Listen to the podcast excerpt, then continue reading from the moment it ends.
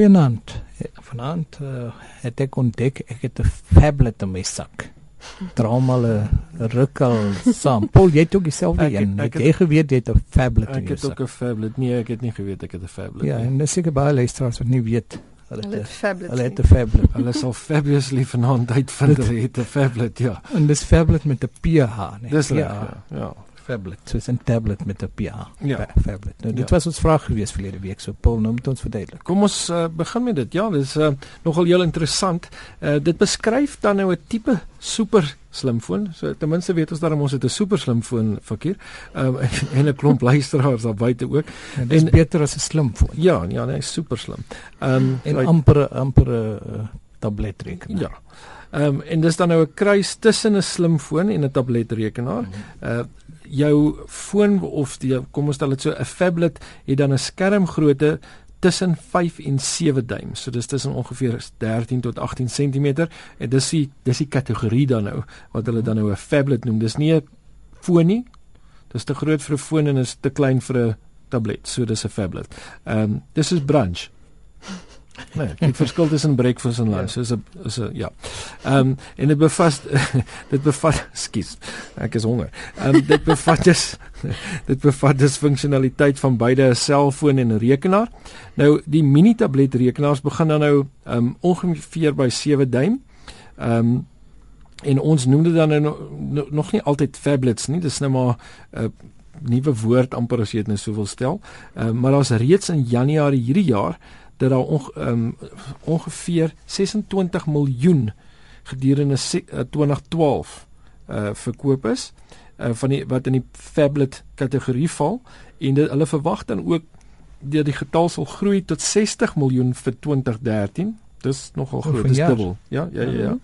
en 146 miljoen teen 2016 So lyk my dis 'n gewilde kategorie hierdie. Dit lyk so ja, dis so in die middel van nêrens. Dis net 3 jaar weg en intussen gaan daar iets anders kom. Ja. so dis ek maar raais kwyt. Dis ook moontlik. Ek weet nie wat weet nie wat die bewoording gaan wees nie. Ehm um, of dit 'n phablet met 'n gaan wees nie. 'n Tab tab 'n fab tab top. Ja, tussen 'n laptop. Erns in daai kategorie. nou ja, die rede se kom die phablets dan so gewild raak is die funksionaliteite wat dit insluit. Ehm um, byvoorbeeld jy het uh, natuurlik die jou um, skermkrag effektiwiteit en jou batterylewe is beter. Uh, Daar's uh, toename in die gewildheid natuurlik om multimedia op die groot skerms te kyk. Dit is nogal gewild. Ek wil almal wil deesdae YouTube en enige ander ding en miskien ons nou al TV ook kyk en wie weet wat nog alles op jou op jou foon of op jou tablet. En uh die tablets het dan gewoonlik ook uh, tipiese eienskappe van 'n tabletrekenaar soos byvoorbeeld 'n raakskerm, dit het 'n virtuele sleutelbord, mobiele bedryfstelsel, 'n webblaaier, ingeboude kamera of webkamera, doelgemaakte sagteware. So al daai st eh, standaard dinge wat jy dan nou verwag by 'n tabletrekenaar. Dit is makliker om te dra. Dit is makliker om te dra. Ehm uh, jy kan hom by jou makliker by jou. Dis nou nie 'n tipe van hulle sukkel jy om in 'n in jou sak te pas. Ehm um, maar jy kan nog oor die algemeen. Ehm um, Dan um, is daar ook tablets wat spesiale sagteware insluit, soos byvoorbeeld die Samsung Galaxy Note wat mos nou bekend staan vir uh, die die kenmerke soos die notas en die die tekensagteware waar daar waar daar in wat ingesluit is. En 'n uh, ander slimfone, so net as jy nie ge, uh, geweet het jou foon is wel 'n 'n super slim foon wat in die tablet kategorie val nie. Ehm um, dit sluit in onder andere die LG uh, Optimus Wu, die HTC One X, die HTC Evo 4G, die Samsung Galaxy Nexus, sowel as die Samsung Galaxy S3.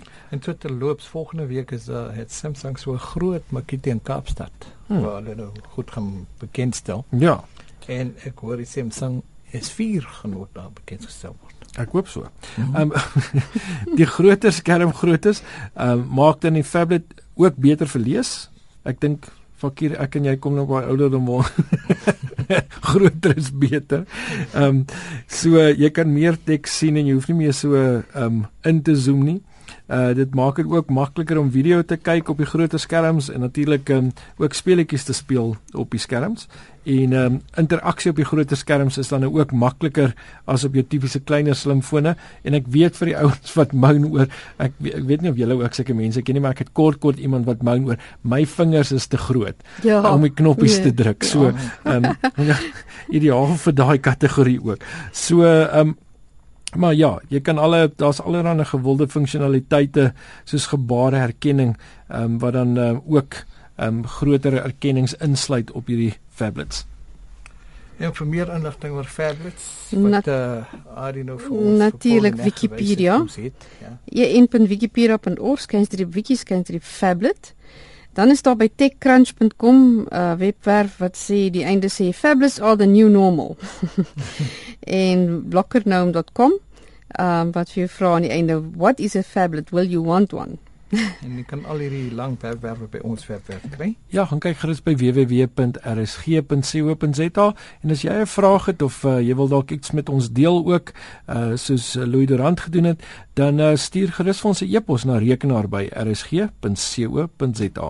Nou Dropbox is 'n handige ding, nee, veral as jy rondreis en jou dokumente en goed uh, ja, wat sien jy of of prentjies, mm. maar dit kan ook jou kwotas van bandwydte baie vinnig opvreet. Ja.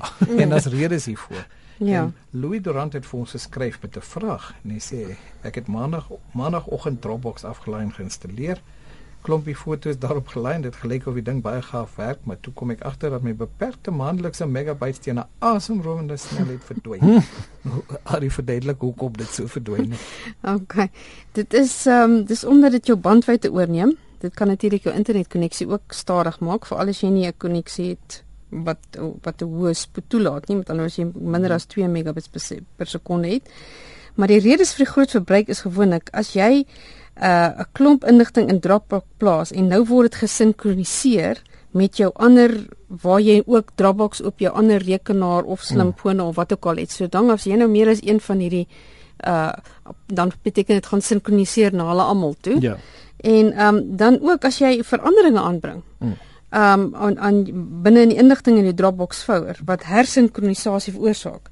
So sien nou maar jy het 'n jy het 'n 50 meg leer, dan gaan dit soos wat dit verander gaan dit herhaaldelik hierdie hierdie leer oor en oor stuur. Ja. Nou glo hy het nou nie veranderinge seker aan sy foto's regtig gemaak nie.